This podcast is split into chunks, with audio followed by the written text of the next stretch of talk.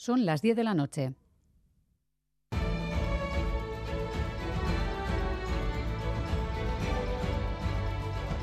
Radio Euskadi y Radio Vitoria. Servicios informativos.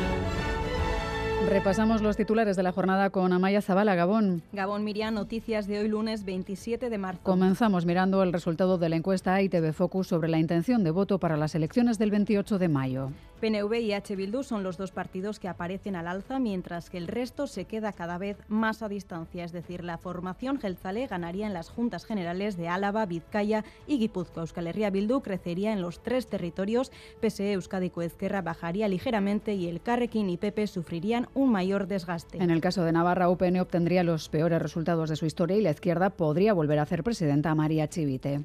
La formación regionalista sería la más votada, aunque con el menor número de escaños de su historia, 12. Por lo tanto, EH Bildu volvería a tener la llave de la gobernabilidad y las fuerzas de izquierda podrían reeditar el pacto de la anterior legislatura. Y entrevistado en Gambara de Radio Euskadi, el secretario general de los socialistas vascos, Eneco Andueza, no descarta un posible pacto de país entre PNV y Euskal Herria Bildu.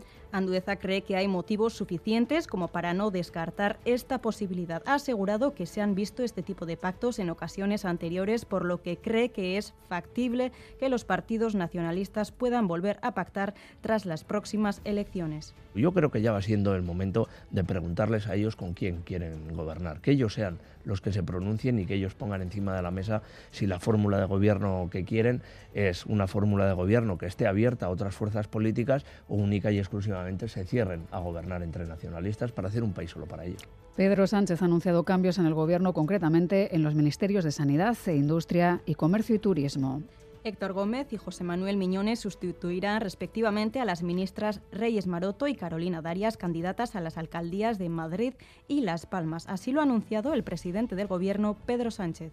Los nuevos ministros conocen muy bien los ámbitos donde ahora desempeñarán sus tareas, les avala la experiencia y sus cualidades. Con estos nombramientos, el Gobierno afrontará la recta final de la legislatura, los letrados de la Administración de Justicia han aceptado esta tarde la propuesta del Ministerio para poner fin a la huelga con una subida mensual de entre 430 y 450 euros. De esta forma, las asambleas provinciales de los letrados han acordado poner fin a la huelga indefinida que empezaron el pasado 24 de enero para pedir mejoras salariales. En un comunicado, el Colegio Nacional de Letrados ha señalado que el acuerdo se firmará mañana. Y en página internacional, una mujer ha asesinado a tres niños y tres adultos en un colegio de la ciudad estadounidense de Nashville.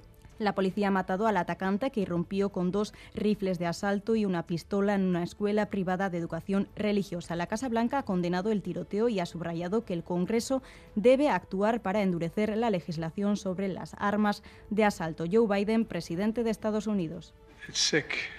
It's heartbreaking. Uh, a family's worst nightmare. We're monitoring the situation really closely, Ben, as you know, and uh, we have to do more to stop gun violence. It's ripping our communities apart. Y volviendo a casa, el enlace entre la Supersur y la AP68 en Arrigorriaga estará operativo a partir del 5 de abril. Una obra técnicamente muy compleja que cuenta con dos túneles, Arnotegui y Severeche, unidos por un puente sin pilares en el valle de Bolinchu. Este viaducto pretende mejorar la red viaria de Vizcaya. Y Manuel Pradales, diputado de Infraestructuras. Permite transitar de manera mucho más cómoda, más segura y más ágil todos los bueno, mm, vehículos que vayan a atravesar Vizcaya con origen o destino la meseta o Cantabria tienen aquí una vía alternativa de paso de primer nivel. Además, eh, nos permite sacar muchísimos vehículos pesados también del entorno metropolitano. Así terminamos más noticias en una hora y en todo momento en itv.eus y en la aplicación ITV Albisteac. Geruarte.